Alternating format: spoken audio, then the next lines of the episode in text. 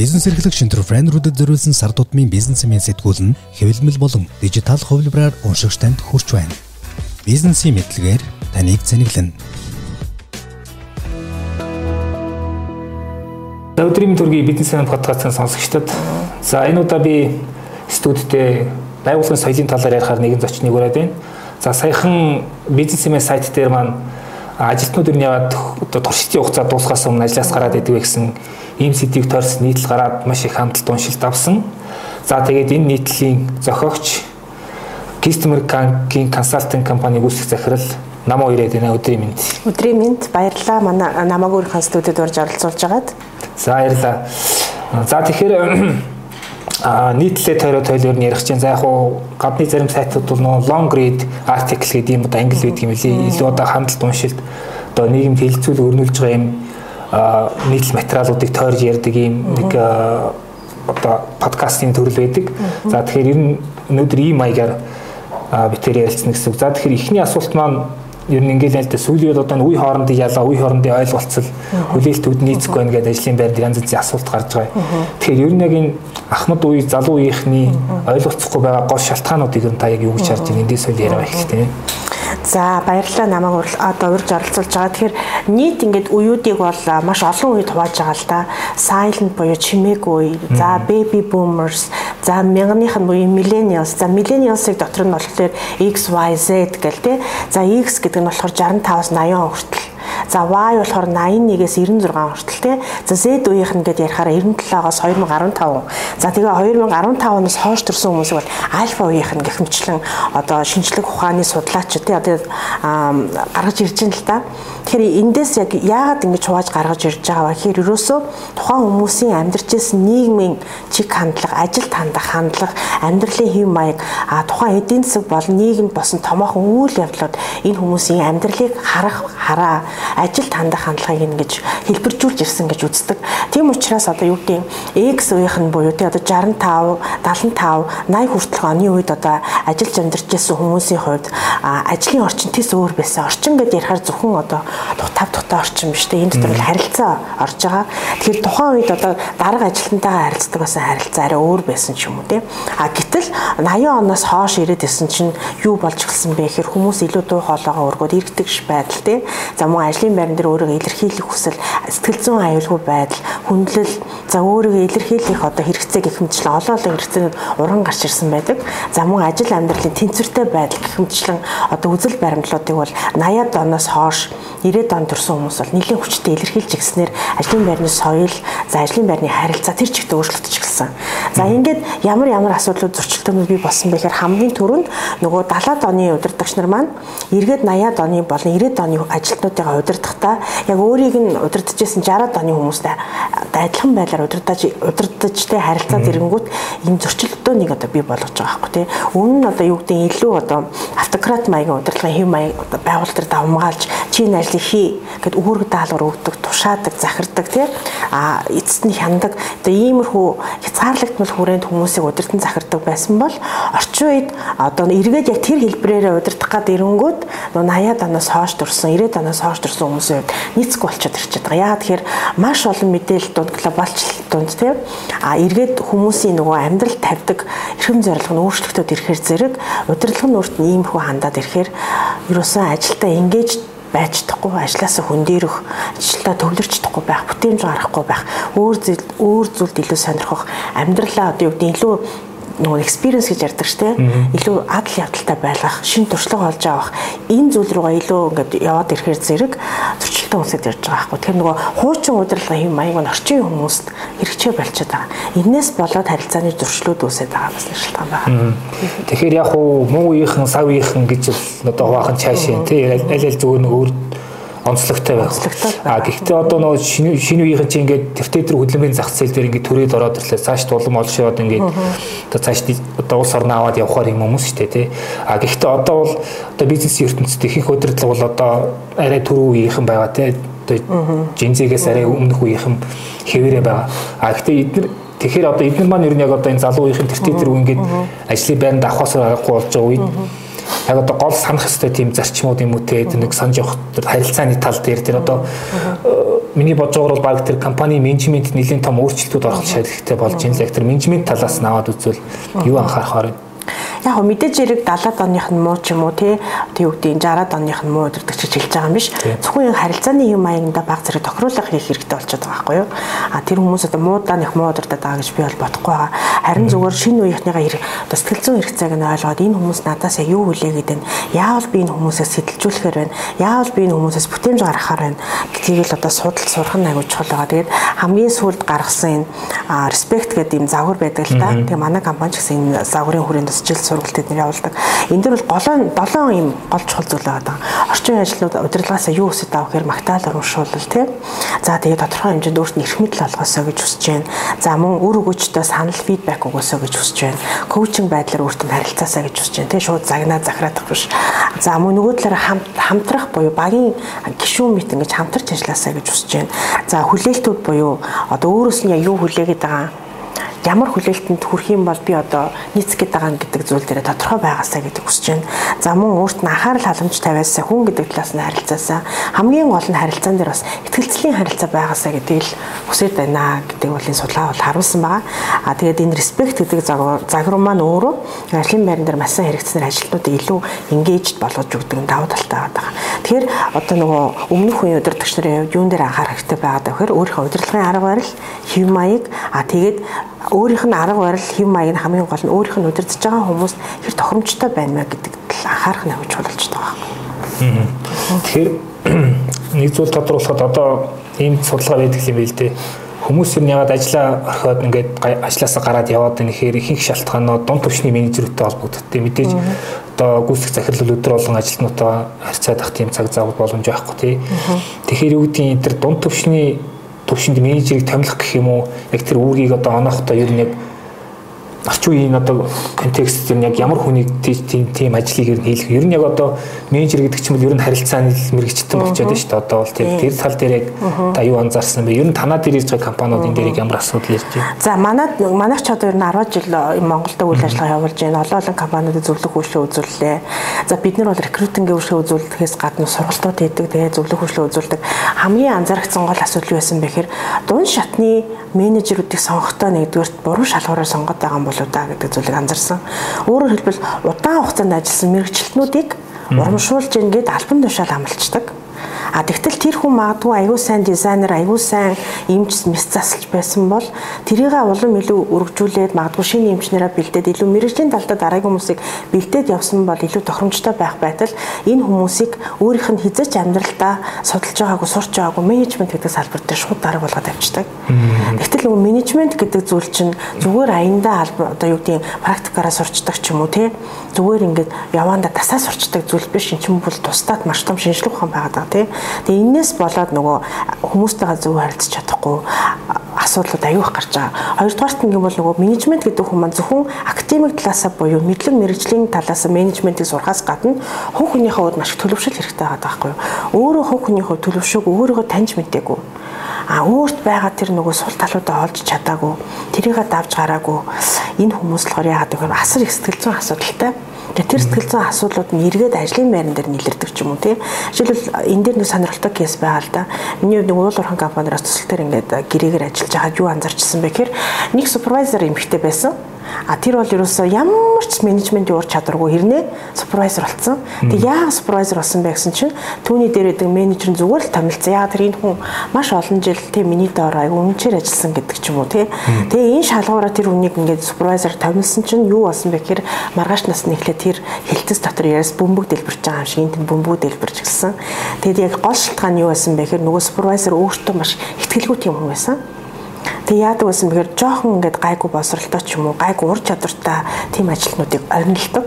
Тэгээд өөрийнхөө ингээд тусгай фракц үсгээд тэдрээр ингээд ойглуулдаг, доромжлуулдаг тий албаар их ажил өгдөг, ачааллын нэмэгдүүлдэг.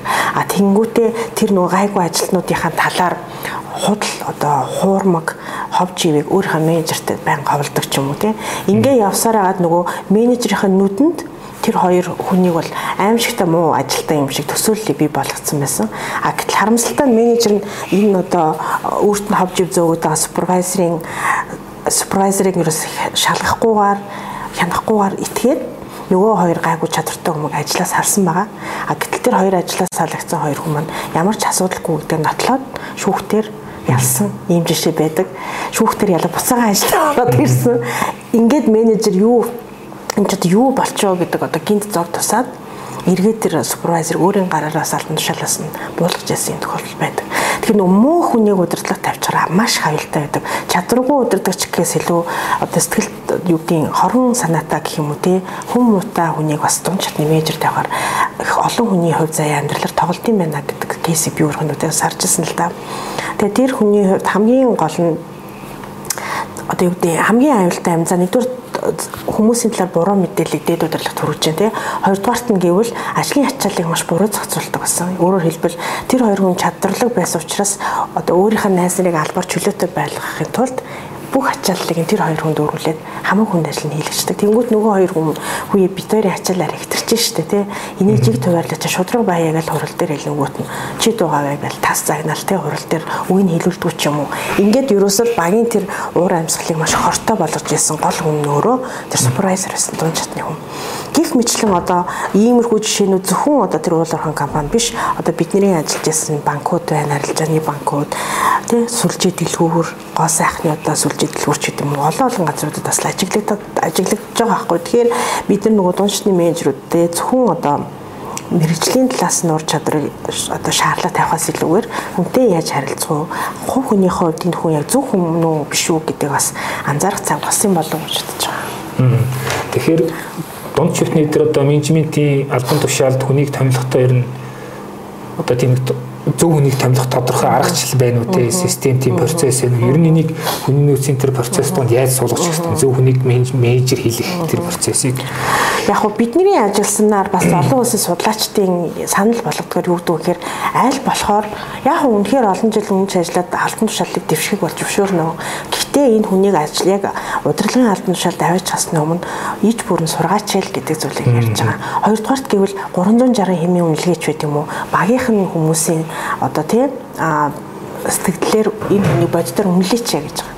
Үнэхээр энэ хүн хүн чанар муутай бас тийм жоохон одоо тийм жоохон онцгой төрлийн хүн байвал энийг багийн гишүүд нь бас дэд түвшний удирдлагатай хилээд болиулдаг юм системийг нэвтрүүлчих юм бол одоо таархан дунд чатны удирдагч хүн байх газар болчихж байгаа байхгүй тэгэхээр тэр нүх нүх сүвийг би болгоод байгаа юм чи өөрөө ерөөсө шууд томилдог ч юм уу те бусдаас асуухгүйгээр тэр дээд чатны удирдлага хин энийг томилчдаг. А томилсныхаа дараа 6 сар тутамдаа ч юм уу улирал тутамдаа тэр хүний гүйцэтгэлийг хямдаггүй энэ хүн яаж удирдах чинь хүмүүстэй яаж харилцаж чинь хүмүүсээ үнэхээр кэрлж чадж гин үү тий зөв санал шүүмж өгч чадж үү хүмүүсийн үнэхээр максимум түвшинд нь хүртэл бүтээмжийг нь одоо нэмэгдүүлэх үз ийм одоо чадварлагаар удирдах чадж гин үү гэдэг бас төвшин төвшөнд нь ингээд хянаад явчвал нөгөө муу удирдал одоо муу таархан дунд чатны удирдлагт шигшигдээд гараад ирдэг л дээ хогийн шүүрээр шигшиж байгаа юм шиг. Тэр нөгөө байгууллагууд ийм шигшиг процессыг мэдхгүй үнэлэх үнэлэмжийн ойлгомжгүй болохоор байлгаал идэг ч юм уу. Тэгээд асуудал ингээд дотроос бүр идэгдээд идээ бээр нь гоожод бүр дэлбрээд шүүх мөхтөр оцсны дараа өө яана манайх ч одоо ийм амар хортой соёлтой байгуулга байсан ба штэ гэдэг одоо гүйцэтгэх захирлын тууцын дарга ч юм уу те манай компани ханддаг байхгүй юу. Тэгээд идээ бээр нь илэрцсэний дараа уул нь энийг чи анханаас нь л яг эдээбэр үүсгэс нь өмнөгөөс тастаж аваад тий. Одоо алимны чинь бид нэр жоохон мод зэсэг ингээд огтлж аваад хаяал одоо фреш хэсэг нэгддэг штэ тэрүүнтэй адилхан бас яг эртгэн л илрүүлэх нь аяж чухал юм билээ тэгэхээр угаасаа Монголын компани бол ихэнх жижиг дунд компаниуд байгаа тий. Ихэнх юм ингээд одоо харилцаа бий одоо бид тэр ярьж байгаа менежментийн асуудал дээр л ажил явдаг Аа тэгээд таасаа хэлээ ингээд идэ бэр гэнтэр гэдэг. Ер нь ингээд би бас сүүлийн бодохоор ингээд ер нь зөвхөн байгууллагч биш ер нь бүх одоо ингээд ялангуяа орчин үеийн нийгэмд ингээд бүх ажилтнаа харилцаан дээр үндэслэдэг болсон. Тэгээд харилцаанд янз янзын одоо нэг хортой элемент ороод яг нэг цусны эргэлч ингээд нэг юм гадны хортой юм ороод ирэнгүүт нөгөөт нь эргэлж явсараа сүултээ нөө би чинь ингээд болох байна шүү дээ одоо зүүрлэл тээ. Тэгэхээр одоо би бас гад нэхэр тэр нэг хортой элементүүдийг одоо янз янзын хов живтэй ингээл 10 10 хагуур ярьдаг яриа мараа гээл дээд удирдлага өндөр мэдээллийн урсгал чинь тийм одоо очихгүй тий. Тэгэхээр энийг ингээ яг тухай бүрд нь ингээд тасан зохицоогоод одоо өөрөх өрнөх яриа хэцүү байсан ч гэсэн ингээд тэрийг ингээд заавал ил гаргаж байгаа чухал юм шиг байна. Тэгэхээр тийм механизмыг ер нь байгууллагууд яаж бий болох вэ? Нэг мэдээллийн одоо эрүүл урсгал гэх юм уу? Эрүүл харилцаа гэх юм уу? Тэгжээж нөгөө нэг ихтгэлцэл гэдэг хамгийн чухал юм чинь бий болно тий. Энэ тал дээр яг үнэ. Тэр мэдээллийн урсгал гэдэг чинь өөрөө байгууллагын соёлын долоон багны нэг тулгуур багна. Communication гэж байгаа.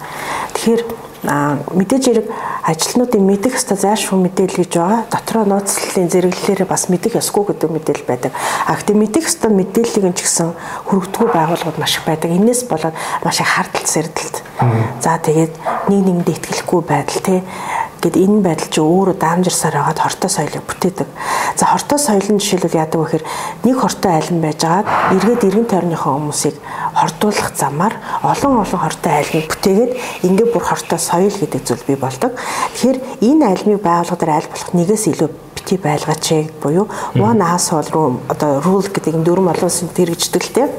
За нөгөө талаараа мэдээллийн урсгал гэдээ ярьсан. Яг тэр нөгөө төрөүний жишээ кейс дээр ярихад тэр хилтэс багийн хувьд ямар асуудал байсан бэ гэхээр тэр ур чадвартай нэг 2 3 хүн л хамгийн ачаалал өгдөг гэж хэлсэн тийм. Тэгвэл ажил хуваарлах процесс нь процессыг ил болгооч гэдгийг багийн нэг гишүүн тэр нөгөө асуудлыг харчаад удирдлагатаа санал болгосон байна энэ ингээд та бүхэн ажлыг ингээд таскуудыг өөрөө болгохдоо яа тэгэхээр ажил бол ингээс бороо шиг орж ирдэг тэр тэлтэс том уулуурхайн зүйлээс учраас. Тэгэнгүүт энэ ажил 1 номерын ажил 2 номерын ажил 3 номерын ажил 25 номерын ажил хин хин яаж очиод байгааг хуваарлаж байгаа процессыг клауд дээр бүх хүмүүст ил харагдахаар болгочихоо Тэгвэл хин ч ямар ч гомдол гарахгүй бүгдээрээ болж өгвөл энэ жигт ачаалттай ажиллаж байгаа юм байна штэ. Тийм болохоор ажил бүрийг, таск бүрийг дугаарлаа, кодлий гэдэг саналыг хүртэл гаргаж ирсэн байхгүй тэр баг дотор. Тэгтэл яасан бэ гэхээр менежер нь нөгөө нэг супервайзертайгаа зөвлөлтөд супервайзер нь юу гэсэн бэ гэхээр тэгж яах юм бэ? зүгээр нууц баярал байлгая. Хинд ямар ажил очиж байгааг заавал хүн болгон мэдэх шаардлагагүй штэ гэдэг тайлбарыг өгөөд ингээд нөгөө асуудал чинь даамжирсан байгаа. Тэгэхээр тэгтэл яг цаана ямар одоо нуудмал асуудал байж исэн бэ гэхээр нөгөө л нэг 2 3 хүнд л одоо нийт 100 ажил өөрөө байлаа гэхэд 70-ийн тэр 3 руу өгөөл ачиг нь үлдсэн 10 20 хүн маш багаар тайван хийж идэг ч юм уу тий. А тэнгууд тэр тайван маш бага ачаал авч байгаа хүмүүс нь болохоор нөгөө супервайзерыг нээлтдэг найзууд нь. Тэр илүү тэд нар болохоор ажлын цагаар ингээл бараг наригдсан ингээд тий дуртай ингээл бараг офсоосоо гараад чөлөөтэй явдаг тиймэрхүү үйл явдал хүртэл ажиглагддаг байсан гэж хэрэг. Тэгтэл нөгөө хамаг ачаал энэ 70 80% нөрөн дээр үрчсэн 2 3 чадварлаг хүний үздэг компьютераасаа бүр босож чаддггүй бүр ингээд өдөржин шүнжээ хийдэг тий. Тэгээд тийм их ачаал өгчөө дээрээс нь нэмээд аявуух дарамтлагдаг байсан. Тэгээ нэмээд маш их муу мухагаар нөгөө хотод байгаа менежертэй ховцоодог ч юм уу тий. Ингээд нөгөө менежер дээд чутны удирдлага нь шууд харилцахгүй учраас нэг даалгасан хүндээ бүх юма даалгаад итгээд ингээ өчтдөг. Гэтэл нөгөө хүн нь цаагаараа маш юм хорон үйл ажиллагаа явуулж байсан. Ийм кейс хүртэл байдаг. Тэгэхээр мэдээллийг ил тод байж байгаа нь өөрөө бас ийм асуудал гарахгүй байх нэг шалтгаан болт юм болоо гэж боддог. Тэгэхээр яг уу таны ярьж байгаа кейс дээр яг одоо алдаа нь бол тэр дунд төвчин супервайзер дээр байсан ч гэсэн цаад бүр нарийн бүр цаад шалтгаан нь бол тэр компани менежменттэй байгаа шүү дээ. Өөрөөр бид тэр дээд удирдлага буюу одоо менежментийн тэр баг гэж бас байгаа шүү дээ. Компани жаахан том бол тийм баг гэж байж шах тий. А тэгэхээр юу гэдгийг яг тэр нэг эрүүл харилцаа мэдээллийн эрүүл урсгалыг бий болгох хот яг нэг одоо менежментийн баг юу анхаарах хэвээр юу яг гол тийм баримлах хэвээр зарчимтэй одоо ил ярьж гин тэр ихтгэлцийг бий болох тэр нэг нөхцөлийг бүрдүүлэх гэдэргээд ажилтнууд одоо юу гэдгийг өөрийн шудраар үнэлж нэг тийм мэдрэмжийг авч яах гэдэг юм. Тэрийг менежментийн үүднээс яг юун дээр анхаарах вэ? Менежментийн үднээс хамгийн гол нь тийм болохоор нэг гүйцэтгэлийн үнэлгээнд дээр бас асуудал гарч ирсэн байхгүй юу? Ямар асуудал гарч ирсэн бэ гэхээр бас нэг супервайзер. Гэхдээ энэ бол нэг эмгтэй биш эрэгтэй. Бас нэг өөр супервайзер. Хүмүүсийн үнэлэхдээ бодитоор нь бас яг хийсэн ажлаар нь бас өөр үзмжээр үнэлдэг байсан. Үзмжээр гэдэг нь яах вэ гэхээр өөрт нь гоё харилцаатай, өөрт нь их гол ойлгодог, өөрийг нэг сайхан хөнгөлж харилцдаг. Өстой 100% өгөнд нь ордог ч юм уу. Тийм ажилтнуудыг яг ажлын талбар дээр гүйцэтгэл муутай байсан ч гэсэн өргөө өргөө доноог нь өчтдөг. А гэтэл яг ингээд өөрийнхөө хичээгээ чармаагаад үнэхээр ур чадварлагаар тэр ажиллаа хийсэн хүмүүс байсан ч гэсэн өөрт нь нэг тийм долгомдоггүй, цай барьж гүйдэггүй ч юм уу тий зөвхөн нь барьж явдаггүй ч юм уу тийм ажилтнуудыг болохоор аа гэд айгүйх дарж үнэлгээг нь өгдөг бас энээс болоод бүр тэр газар бослог гарч ирсэн тохиолдол байдаг. Бослог гаргаад эсэргүүцэл зарлаад аа тэгээд нэлээд удаан тэр супервайзерыг бол тэр яг өөрийнх нь хариуцлагаас менежер байранд нь үлдээхийг оролдож байсан. Яагаад гэвэл тэр өөрийнх нь томилсон хүн байсан байхгүй таньдаг хүн нь. Тэгээ хичнээн доор ажилтнуудаас эсэргүүцэл ирж исэн ч гэсэн тэр хүний нэлээд байлгасан. А гэхдээ бүр тэрний давсан төвшний менежментэд энэ асуудал хүрснээр тэр супервайзерыг бас одоо байр сууриас нь унгаасан байдаг юм түүх байгаа. Тэгэхээр нөгөө супервайзер хүн гэдэг чинь ямар хариуцлагатай ажил хийж байгаа те тэр хүмүүсийн амнаас гарч байгаа үг болгон ямар үнцэнтэй бас ямар олон хүний амьдрал тэр хүний одоо эрх мэдэл албан тушаалаас хамаарч байгаа гэдэг бас нэг ойлгохгүйгээр хитрхи амбицлаад хитрхи нэг юм хорон байгаад гэдэг супервайзерууд байгаад байгаа байхгүй тий ахлахууд дундчны менежерүүд Тэгэхээр энэ хүн хүний асуудал аяг болчиход байгаа. Сэтгэл зүйн асуудал хүн хүний төлөвшил Тэ өөрөө зөв хүн үү муу хүн үү гэдэг чинь аюу тум асуултанд тэмдэг болчтой. Тэгээд манай Монголд чинь одоо энэ болгоны чинь нарийн шалгаад байдаг процесс нь төдийлөн компаниудаар хөгжиж амжаагүй. А олон улсын компаниудаар ямар байдаг вөхөр аюу сайн хөгжсөн байдаг болохоор иймэрхүү хүмүүс бол под гэж гаргаж ирэл эдээвэр шахаж байгаа юм шиг ингээл гаргаал гаргаал хайдаг байхгүй юу? Шууд нөгөө үнэлгээгээр доор нь байгаа хүмүүсээр өөртөө нь нөлөөлөл. Тэгээд энэ хүн та нарын өдөрт зохисдог биш байна гэж сольдог а нөгөө жижиг дунд ч юм уу тий одоо юу гэдэг бас менежментийн тийм нарийн сургалт төр байдаггүй мэдлэггүй компаниуд явуулахаар энэ хүмүүс зууралцаар байдаг насан туршдаа итгэсээр байдаг. Тэгээд илүү нөгөө эдээр нь олон жилийн хугацаанд үргэлжлэх төр нөхцөлийг хангаж өгдөг а олон улсын компаниудыг харьцуулаад харахад жишээлбэл оюутлах хомлогоор явтантай гэвч тий илүү иймэрхүү асуудлыг дор дор нь илрүүлээд эдээр дор дор шахаад байдаг болохоор нэг ийм хүн гараад ирсэн ч гэсэн нэг жилээс илүү уддгүй ч юм уу тий тэгээл яслагддаг. Тэр нь эргээд эрүүл процесс нь цэвэрлэг процесс нь аюу сайтай байт юм болов гэж байна. Тэгэхээр одоо яг нөгөө нийтлэлийн гарчигтай холбогдуулж асуухгүй тань л да туршилтын хугацаа дуусахаас өмнө гардаг тийм үзэгдэл их байна гэдэг. Тэгэхээр үүдийн зөөрлөл ингээд нэг рүү орохгүй гэнгүүт нь одоо тэндээс ойгоо буцаад явж байгаатай адилхан нэг тийм болчиход байна л да. Тэгэхээр одоо шинэ хүн орж ирлээ гэхэд тэр хүн тэр байгууллагад хорогдож үлдэх цаашаа ажиллах хүсэл төрүүлэхийн тулд тэр байгууллагыг юун дээр анхаарах вэ гэдэг юм байна тэр шинэ хүнийг одоо шингээж яваад хөгжүүлээд үн цэнтэй ажилтан болгоод компанид хувийн нэмэр оруулахад нь ингээд тийм үн цэнтэй хүн болгох тал дээр яг ер нь ямар бодлогын хувьд Миний юм бодлого юу ахаар. Нэгдүгээрт нь бид нар бүр ингээд учир шалтгааныг судлаад үзэхээр менежмент нь өөрөө ажилт нь солигдох процесс төдийлөн ач холбогдол өгөхгүй байгаа компани байгаад байгаа байхгүй юу. Унаа чин гарна л үсттэй дараагийнх нь байх штэ гэдэг хандлага байна. Тэнгүүд яаж ингээр нөгөө байгууллага соёл дооч анхаарахгүй, удирдлага менежмент дээч анхаарахгүй, хүний нөөцийн бодлого ажилтнуудад яаж халамжлах уу тийм ажилтнуудад зориулсан ямар бенефит, ямар одоо боломжууд юу вэ гэдэг дээрээ ч анхаарахгүй. Зүгээр л хүн бэлэн гадаа зогсож байгаад очрлж байгаа юм шиг зарим компаниуд яаж ингээр ялангуяа уул уурхаан одоо тийм даалтны ч юм уу юм да энэ тийм ингээд уул уурхаан олборлож байгаа компаниуд бол хинэггүй компаниуд аявих байгаа анзаарчихсан. Тэгээд хүний нөөцтэй яадаг вэ гэхээр өө наатах хаалал дараагийнх нь уурхаач нь байна ч гэдэг юм уу тий. Тэнгүүд тэрний цаана асар их нүдэн дүл үзэгдэх зардлууд гарч идэг, асар их боломжууд алдагдж идэг гэдгийг тэр хүний нөөц нь бүр тоогоор ингэж математикаар бодож ийм их зардал гарч байна дараа гэж харуулхаас нааш те ойлгохгүй байхгүй юу. Тэгээд юусоо өө за за наатахаа халсан уу одоо явал наа чинь манай соёл нийцгүүл явуулч гэдэг юм уу те. Гэтэл өөрийнх нь соёл үнэхээр эрүүл биш байгаад тагт чинь соёлоо өөрчлөхийн оронд өө наатахаа солиод явуулч гэдэг юм уу. Иймэрхүү хандлага нөгөө шинээр ирж байгаа хүмүүсийг бас тогтооход төдийлөн менежментийн зүгээс анхаарахгүй байгаа гэж харагдж байгаа. Хоёрдугаарт нь гэвэл шинээр ирж байгаа хүмүүс чинь өөрөө асар нөгөө ер нь бол ажлын байранд тэнцэж байгаа хүмүүс бол 5% байна гэж Занга Актимс цангаа цагийн өмнөөс гаргацсан мааштай судалгаа нийт ажил горлогчд 95% нь ажлын байран дээр тэнцэхгүй байна. Заавал нэмэлт сургах шаардлагатай. А 5% нь бол ямар сургалтгүйгээр дуршлаг нь бол байна, шатвар нь байна. Ерөөсө шууд ажлын байранд тэнцэх хүмүүс байна гэд Занга цагийн өмнөөс гаргацсан байгаа судалгаа. Тэгээ энэ судалгаатай ч гэсэн бид нар санал нийлж байгаа байхгүй юу. Тэгээд тэнцээд ороод ирж байгаа хүнийг яагаад байгууллага тогтоочдохгүй байна вэ гэхээр нөгөө тэнцээд орж байгаа хүн ч мэдээж өндөр ур чадвартай юм чинь олон компаниараас нь гүйдэг байж дараа олон компани санал өгдөг байж дараа гэтэл тэр хүний хувьд өөрийнх нь үнэт зүйлс эрхэмлэх зорилго байгуулгын соёлын тухайн компани нийцэхгүй бол тий эргээл нөгөө өөрийнх нь шууд удирдлага нь харилцааны хувьд аягүй бүдүүлэх ч юм уу? Эсвэл ажил үрг өгөх аягүй тодорхойгүй өгдөг ч юм уу тий? Эсвэл ингээд улаан цагаан хууль зөрчөөд дотоод журмаа зөрчөөд илүү цагаар ажиллуулчаад илүү цаг нь өгдөг ч юм уу? Эсвэл хүчээр ингэж албадан байдлаар илүү цагаар ажиллуулах нэмэлт ажил өгөх өөрийн саналыг асуухгүй байх, тулгах иймэрхүү нөгөө харилцааны болоод менежментийн асуудлаас болоод шинээр ажилд орж байгаа хүмүүс маань 3 сар болохгүй хугацаанд буюу туршилтын хугацаанд ингээ гарчаад байгаа асуудал айгүйх байдаг. Тэгээ Монголд улс ер нь сүүлүүд ажилтан ерөөсөө олдохгүй байгаад байгаа хгүй компаниудад маш ховор болчиход байгаа. Тэгээд яасан бэ гэд харахаар зэрэг маш олон чадварлаг хүмүүс маань гадагшаагаар явцсан солонгос руу ч гэдэг юм уу те баруун руу ч гэдэг юм уу. За англи хэлтэнүүд нь бол арай баруун руу явцсан. Хэл өсгөнүүд нь бол тэгээд солонгос руу ингээд хар бор ажлыг явцсан. Ингээд явж байгаа жишээнүүдийг би бас харсан. Би жишээлбэл сая намар өрөөдүүдэрээ солонгос явчаад ирсэн. Тэгэхэд ингээд би бүр зочтол зочтол хүмүүстэй таарлаж ирсэн байхгүй юу. Одоо Монгол төрийн албаны том дарга хийдэг хүн тэнд ч одоо зочд бодлын зөвлөгийн ажлыг гээд бичдэг ч юм уу те. За ийм ч хүмүүс ч одоо ингээд хар бор ажлыг явж байна.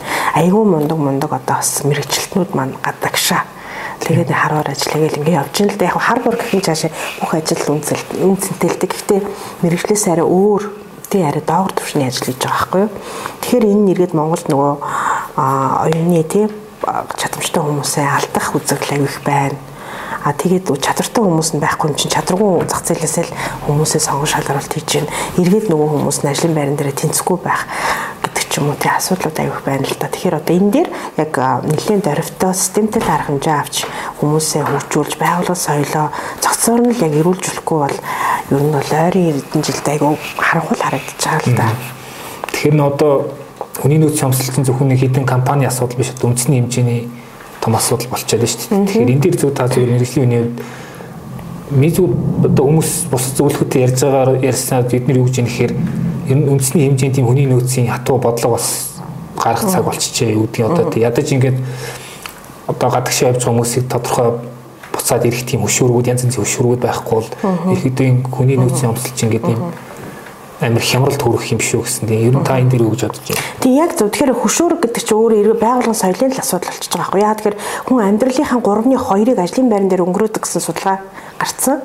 Тэгэхээр хин амны ихэнх цагаа мэдээж хэрэг хортой стресстэй тийм орчинд өнгөрүүлвэл хүн чинь одоо тэр нь стресс нь дамжираад угжраад ирэхээр сэтгцийн өөрчлөлт төртөл болж байгаа шүү дээ. Тэгэхээр хин гадаадаас ирээд Монголд ажиллая гэдэг зүрх сэтгэлд аюу олон залуучууд байдаг гэж би хардаг миний бодлоор. Гэхдээ эргээл нэг компанид оргоод эргээл нэг компанид харьяалагдах гэхээр л асуудал үүсэж идэг. Тэрнээс болоод одоо ялангуяа зэд үеийнх нь ямар сонголт хийж ингээр ерөөсөө 2 3 ажил зэрэг хийж гин. Аа өөрийгөө одоо нөгөө аутсорсинг байдлаар үнэлждэг олон компаниудад үйлчлэгээ үзүүлж гин. Ур чадвараа олон компани зэрэг зарж гин. Онлайн шопинд ороод дэлхийн өөр нэг компаниар шууд аутсорсингийн үйлчлэгээ үзүүлчих чинь тий. Ерөөсөө интернет байгаа болохоор одоо залуучуудын хувьд тасар их шинэ боломжуудыг бас бүтээж өгч гисэн. Тэгэхээр заавал биеэрээ Монголд байх ч юм уу, биеэрээ гадаад байх эсгээс үл хамааран дэлхийн айлч өнцөг булангаас тий зүгээр хаваа ярал дээр явж байгаа ч гэсэн Америкаас нэг ажил онлайнаар аваад хийчихэд байгаа байхгүй тий тэгэл цагийн 75 250 долларын ажил маш их шүү дээ онлайн ажлууд англи хэлтэй хүмүүсийн Тэгэхээр нөгөө монголч нь өөрөө зөвхөн өөрийгөө монгол дотроо гэж төсөөлөхөөс илүү бид нар чинь хөдөлмөр одоо хөдөлмөрийн зах зээл чинь глобал түвшинд маш том ширээ өрсөлдөөн болж байгаа. Энэ асуудал зөвхөн Монголд ч бас болж байгаа биш. Дэлхийн үндсэн болон бүр ковидоос хойш ерөөсөө хүмүүс ажилдаа эргээд орох сонирхолгүй болцсон байна гэж байгаа байхгүй. Тэгээ компаниуд яаж ингэхээр хүмүүсээ ажилд нь эргүүлж ирэхэд тул офисоо дахиж тогтчулж байна бүр хажууд нь цэцэрлэг байгуулж өгч байна. Угаалгын хувцсыг нь угаалгын машинд хийж өгч байна тий. Бүх үйлчлэгийг нь хийж байна. Хоолунд энэ өнгөө өгч байна бүр ингээ янз бүрийн арга хэрэглэж байгаа байхгүй юу?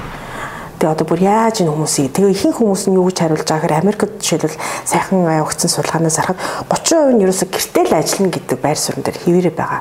А 70% нь бол яг ингээд ерөнхийдөө ганцны байр ажлын байран дээр ирж очих, ирж очих шиг юм уу тийм. Тийм болохоор Netflix компани жишээлбэл ямар шаардлага тавьж байгаа гэхээр 7-6 цаг л офис дээр үзэгдэж Бусад цагаар та тий хаагур явж байгаа намаа байхгүй гэхдээ ажлын эцсийн үр дүнд бүтээмж орсон байх хэвээр гэд би яг үсгэлтэд хүрсэн байх хэвээр гэдэг шаардлага тавьж байгаа байхгүй юу. Тэр компаниуд чи яг одоо ингээд бүтэн 8 цаг ингээд ширээний хаар 40 цаг суу гэдэг шаардлага хүртэл тавихаа болж эхэлж байна. Тэр нөгөө амьдралын хэм маяг нь ковидоос хойш бүр маш их өөрчлөгдөж байгаа учраас эргээд компаниуд энэ дээр маш уян хатан бодлогуудыг бас хэрэгжүүлж байна л да. Тэгэхээр энэ асуудал чинь зөвхөн бас Монгол болоогүй нөгөө бидний хөгжилтөө гэж хардаг Америк, Японд ч гэсэн тийм энэ үзэгдлүүд аяух гарч байгаа. Тийм болохоор компаниуд ажилтнуудаа эргээд одоо оффист навцрахын тулд маш хичээл зүтгэл хөрөнгө оруулалт санаачлагуудыг гаргаж одоо хийж байна. А ер нь зүгээр одоо тэр уян хатан цагийн хуваар зайнаас ажиллах гэж янз янзын энэ маа нөгөө хөдөлмөрийн шинжилсэн хуулийн ч гэсэн одоо гэрээ гэрээ болоод ороод ирсэн шүү дээ. Одоо 9 төрлийн гэрээ болоод орос хоёрхан байсан тий. Тэгэхээр юу асуух гээд нэхэр одоо энэ угаасаа хөдөлмөрийн зах зээл ингээд маш хувсан өөрчлөлтөд хүмүүсийн одоо хэрэгцээш өөрчлөлтөд хандлагын өөрчлөлтөд маш их юм өөрчлөгдөж байна. Хүн болгоныг офис дээр уях ер нь боломжгүй болчлаа гэдэг тааш гисэн сайн ярьлаа тий. Тэгэхээр нэгэн тийм болж байгаа юм чи ерөөхдөө ингээд одоо юу гэдгийг бизнесийн тэр core одоо бүр хамгийн үндсэн юмнуудаа тэр нэг офис дээр хийлгээд одоо тэ нэг үнцэнтэй ажилтнуудаа тэндээ байлгаад босод одоо юу гэдгийг хүнээр хийлгэж болох юмнуудыг ер нь хүнээр хийлгээ явуучвал ер нь яадгийн гэсэн хооронд одоо юу гэдгийг та түр ярьсан 1 2 3 ажил хийгээ явж болж. Ацаарсан маягаар. Тэр ер нь хөдөлмөрийн зах зээлч угаасаа юм хомсдолтой юм чинь хүний нийт хоорондоо шеэрлээд чи юм ингээд Очвол яд гэсэн над зүгээр бодол төрдөг байхгүй. Харин тэр чинь нөгөө гиг экономи гэж англиар хэлдэг тий. Нөгөө өөрийнх нь чадрыг олон газар зараа зараа явуулдаг. Монгол бол өссөн үсээгүй яг энэ зам руу шилжиж байна л да. Яад гэхээр жишээлбэл бид нар ингээл зангаад ингээд зангаацыг өмнөөс ажлын байрны ингээд заруудыг харж хагаад маш олон одоо давтамжтай ажлын байрууд ажлын одоо ажлын зарууд явж байгаа хгүй хүний нөөцийн менежер, маркетингийн менежер гэдэг баг бүх компанид ийм зар явж байна тий. Гэтэл яг нэг үнэхээр чадвартай хүний нөөцийн мэрэгчлэлтэн зөвлөхүүд эсвэл үнэхээр супер маркетерууд хэзээ ч нэг компани ажилтгүй л байхгүй юу? Монголд ч гэсэн тэд нэр асар үнэтэй байдаг учраас олон олон тэг өөрөө баг хувийн ингээд бизнестэй байдаг болохоор олон газараас захиалга аваад ажилтдаг. Үнэхээр тийм чадвартай хүн хайж байгаа бол зүгээр нэг юм аль бие усны агентлагтаа ч юм уу тий компанитай эсвэл одоо хуваараа нөгөө өөрийгөө ингээд аусарсан байдлаар зараа явдаг мэрэгжлийн хүмүүстэй гэрээ хийгээд тэр хүмүүсийг 7 хоногт нэг хоёр удаа ажиллаад чадваргүй хүмүүсийн хажууд тэр чинь 5 өдөр хийх ажлыг чинь нэг өдрийн дотор л хийчихдэг хүмүүс аахгүй юу.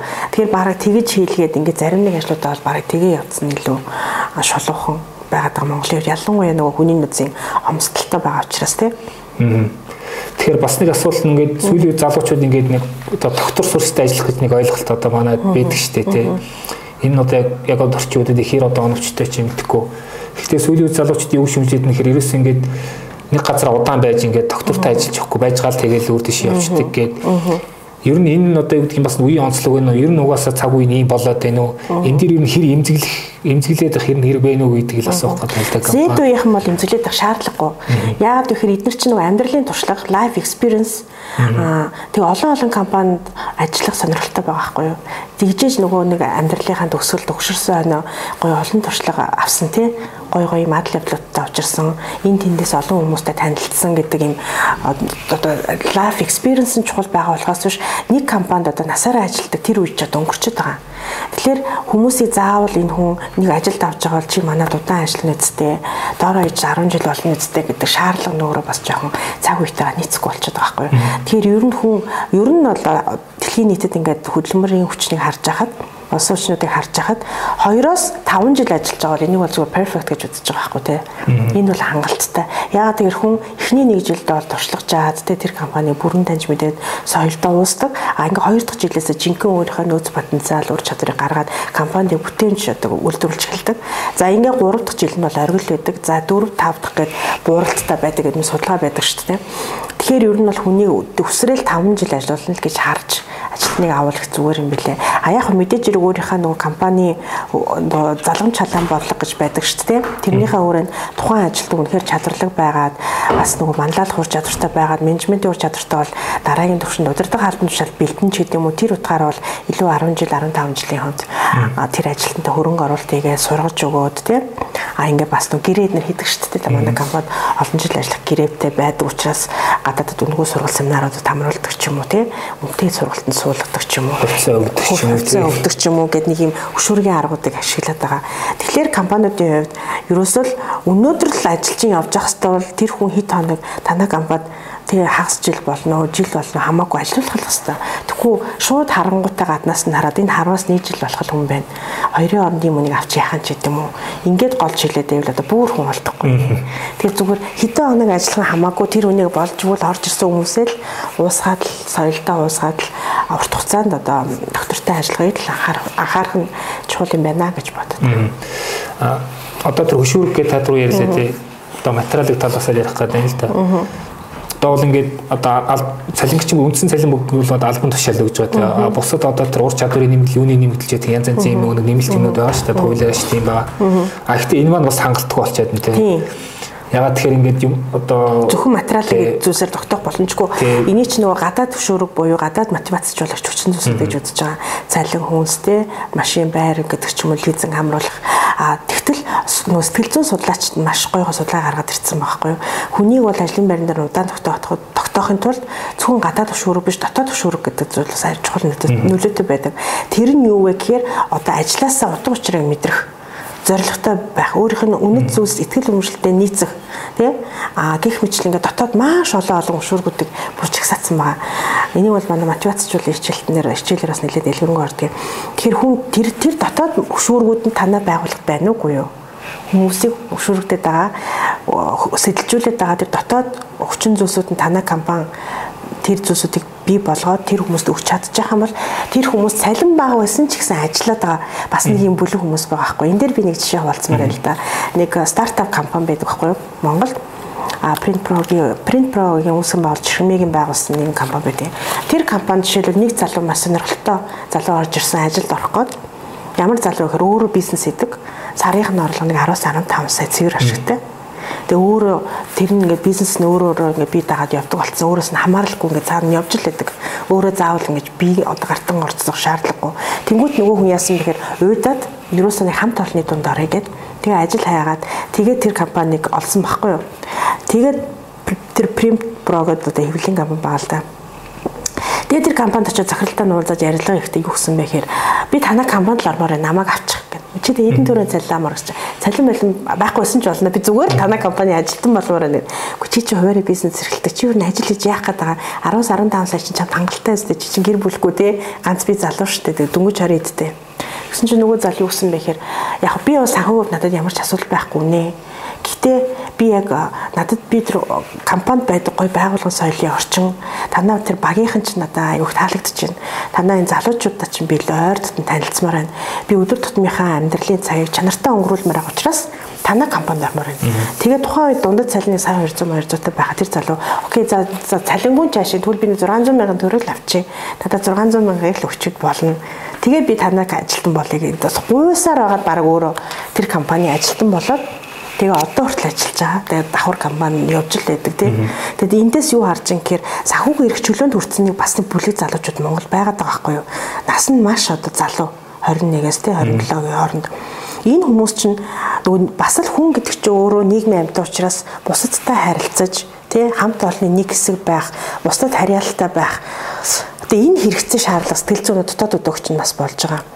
Тэгэхээр энэ хэрэгцээг нь хангаж чадж байгаа газар ажилтнууд бол ерөөсөө тэр цалин малин хэд байх нь хамаагүй ажиллахад бэлэн бас байгаа хгүй юу. Тэр ийм гой соёлыг бүтээсэн байхад бол ажилтан олдохгүй байна гэдэг зовлон байхгүй харин ч нөгөө зөв хүмүүс нь өөрөө соёлоо үнэртээд үнрээр нь мэдэрдэг гэдэг шиг нөгөө шууд ингээд өөрөө бараг ажилтан нарыг гуйж муугаад гуйсаар байгаа тий. Ажилтан орж байгаа ч бас энэ компани байна. Нөгөө талтай. А гэтэл өчнөө гой тоглог офис байгаад байдаг. Нилээн бүр ингээд нийгмийн дунджаас өндөр цалин өгöd байгаа ирнэ нэ асар хортой орчин бүтээсэн зарим нэг газрууд ч бас байна. Тэгтэл тэднэрт болохоор одоо том том мэрэгчлэнүүд ажилд ороод тун уудлахгүй гарчаад байгаа байхгүй. Тэгэхээр ерөөсөө хоёр парадокс ингэ яваад ш тий. Нэг хэсэг нь мөнгөтэй ирнэ бас нэг багийн нэг хэсэг болж үзмээр байна. Компани нэг ажилтан болж үзмээр байна. Тэгээд гой хамт олон тэр инновацлог тэр гой захирлаас нэг сурмаар байна гэсэн нэг юм бүлэг хүмүүс байхад нөгөө талдаа болохоор одоо юу гэдэг чинь өвчнээ гоё ур чадвартай байгаад байдаг боловч хамт олон нэг сэтгэлд нийцэхгүй ч юм уу тий. Ингээд нэг юм хоёрын туйл болчиход байна л да Монголд. За баярлалаа. За тэгэхээр хоёлаа подкаста өндөрлөе. Яриад байвал яриалах юм байна тий. Тэгэхээр яг хуу подкастын төгсгөлд сонсогчтой зөв хөдөлгчийн хуваар ямар гол мессеж өгмөр санаж байна гэхээр одоо ажилтан гэдэг энэ одоо одоо юу гэхэд одоо хүн гэх нь хаашаа энэ нэг юм одоо субъекттэй эсвэл одоо танай компани одоо тэр нэг үн цэнийг бүтээлцэх тэр нэг юм бол ерөөхдөө хэрэгцээ нь бол маш олон талтай юм байна шүү. За бас ярьдаг чинь ингээд мөнгө бол одоо тэр хүний амьдралын нөөцийн зөвхөн нэг нэг л хэлбэр нь те. Тэрний цаан цаг хугацааны нөөц байна. Хамгийн чухал нөөц нь бол нөгөө нэг тав тэр ярьдаг ихтгэлцэл гэдэг юм чинь бол бизнесээ хамгийн урт хугацаанд урт хугацаанд оршин тогтноход нөлөөлөх гол хүчин зүйл. Тэгэхээр энэ талаас нь бас илүү анхаараарай. Одоо тэрийг одоо хүний нөөцийн бодлоготой одоо сонгон шалгуулалт дараа нь сургалт юу гэдгийг те тэр албан тушаал дэвшүүл мэвшүүлэхдээ зөвхөн мөнгө гэж бити хараарай гэдэг мессеж өгөөм. За ингээд танд баярлалаа. Тэгээд нэмээд нэг юм хэлээ. Нөгөө шинэ ажилтныг бас тогтоомж арах нөгөө аргачлал дээр одоо онбординг гэж байдаг шүү дээ. Одоо шинэ ажлаа дасан зохицуулах хөтөлбөр. Тэгэл анхны сэтгэл нь яаж өгч чинь ажилдаа ирэнгүүт нь л нөгөө компьютер нь ч байхгүй, суух сандал нь ч тодорхойгүй байдаг ч юм уу тий. Интернетийн хин холбох нь ч тодорхойгүй ингээд нөгөө шинээр ороод ирсэн хүнийг төөрүүлээд ганцаар ингэ аячдаг бас байгууллагууд байна. Тэгэхээр нөгөө анхаарал халамж тавиад хөтлөөд бүх хэмийн зааж өгөөд бүх хэмийн ингээ зааж өгөөд чиглүүлэх юм хөнгүү газруудаас аяг байгаад байгаа байхгүй тий.